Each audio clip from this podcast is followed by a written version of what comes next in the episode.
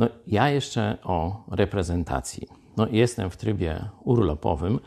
Miałem przyjemność tutaj w miejscowej strefie kibica oglądać mecz.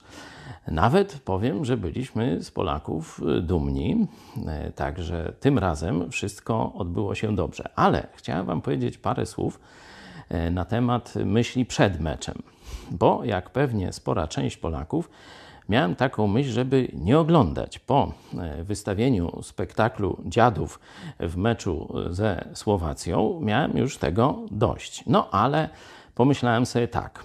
Rozum mówi jedno, no a uczucia, a ojczyznę ma się jedną reprezentacji, no innej nie będę miał. Pójdę, zobaczę. No i nie żałowałem.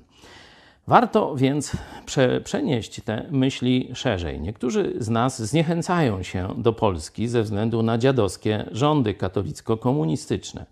Warto jednak pamiętać, że ojczyznę mamy jedną. I tak jak apostoł Paweł, który też miał ojczyznę, do której religijnie miał wielkie pretensje do swojego narodu. Otwórzcie sobie list do Rzymian. Paweł mówi tak, pierwszy rozdział dziesiątego rozdziału, pierwszy werset dziesiątego rozdziału. Bracia, pragnienie serca mego i modlitwa zanoszona do Boga zmierzają ku zbawieniu Izraela.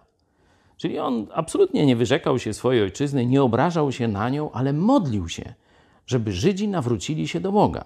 Módlmy się więc i my, żeby Polacy nawrócili się do Boga, wtedy nie będziemy mieć dziadowskiego państwa. I na koniec jeszcze jedna myśl. Pamiętacie, co robiło z naszą reprezentacją? Polacy nic się nie stało? Grali jeszcze gorzej. A teraz, kiedy rzeczywiście słowa prawdy poszły, dość tego dziadostwa, wzięli się do roboty. Tu kolejna biblijna myśl. Nie słućmy sobie, jak zawalimy.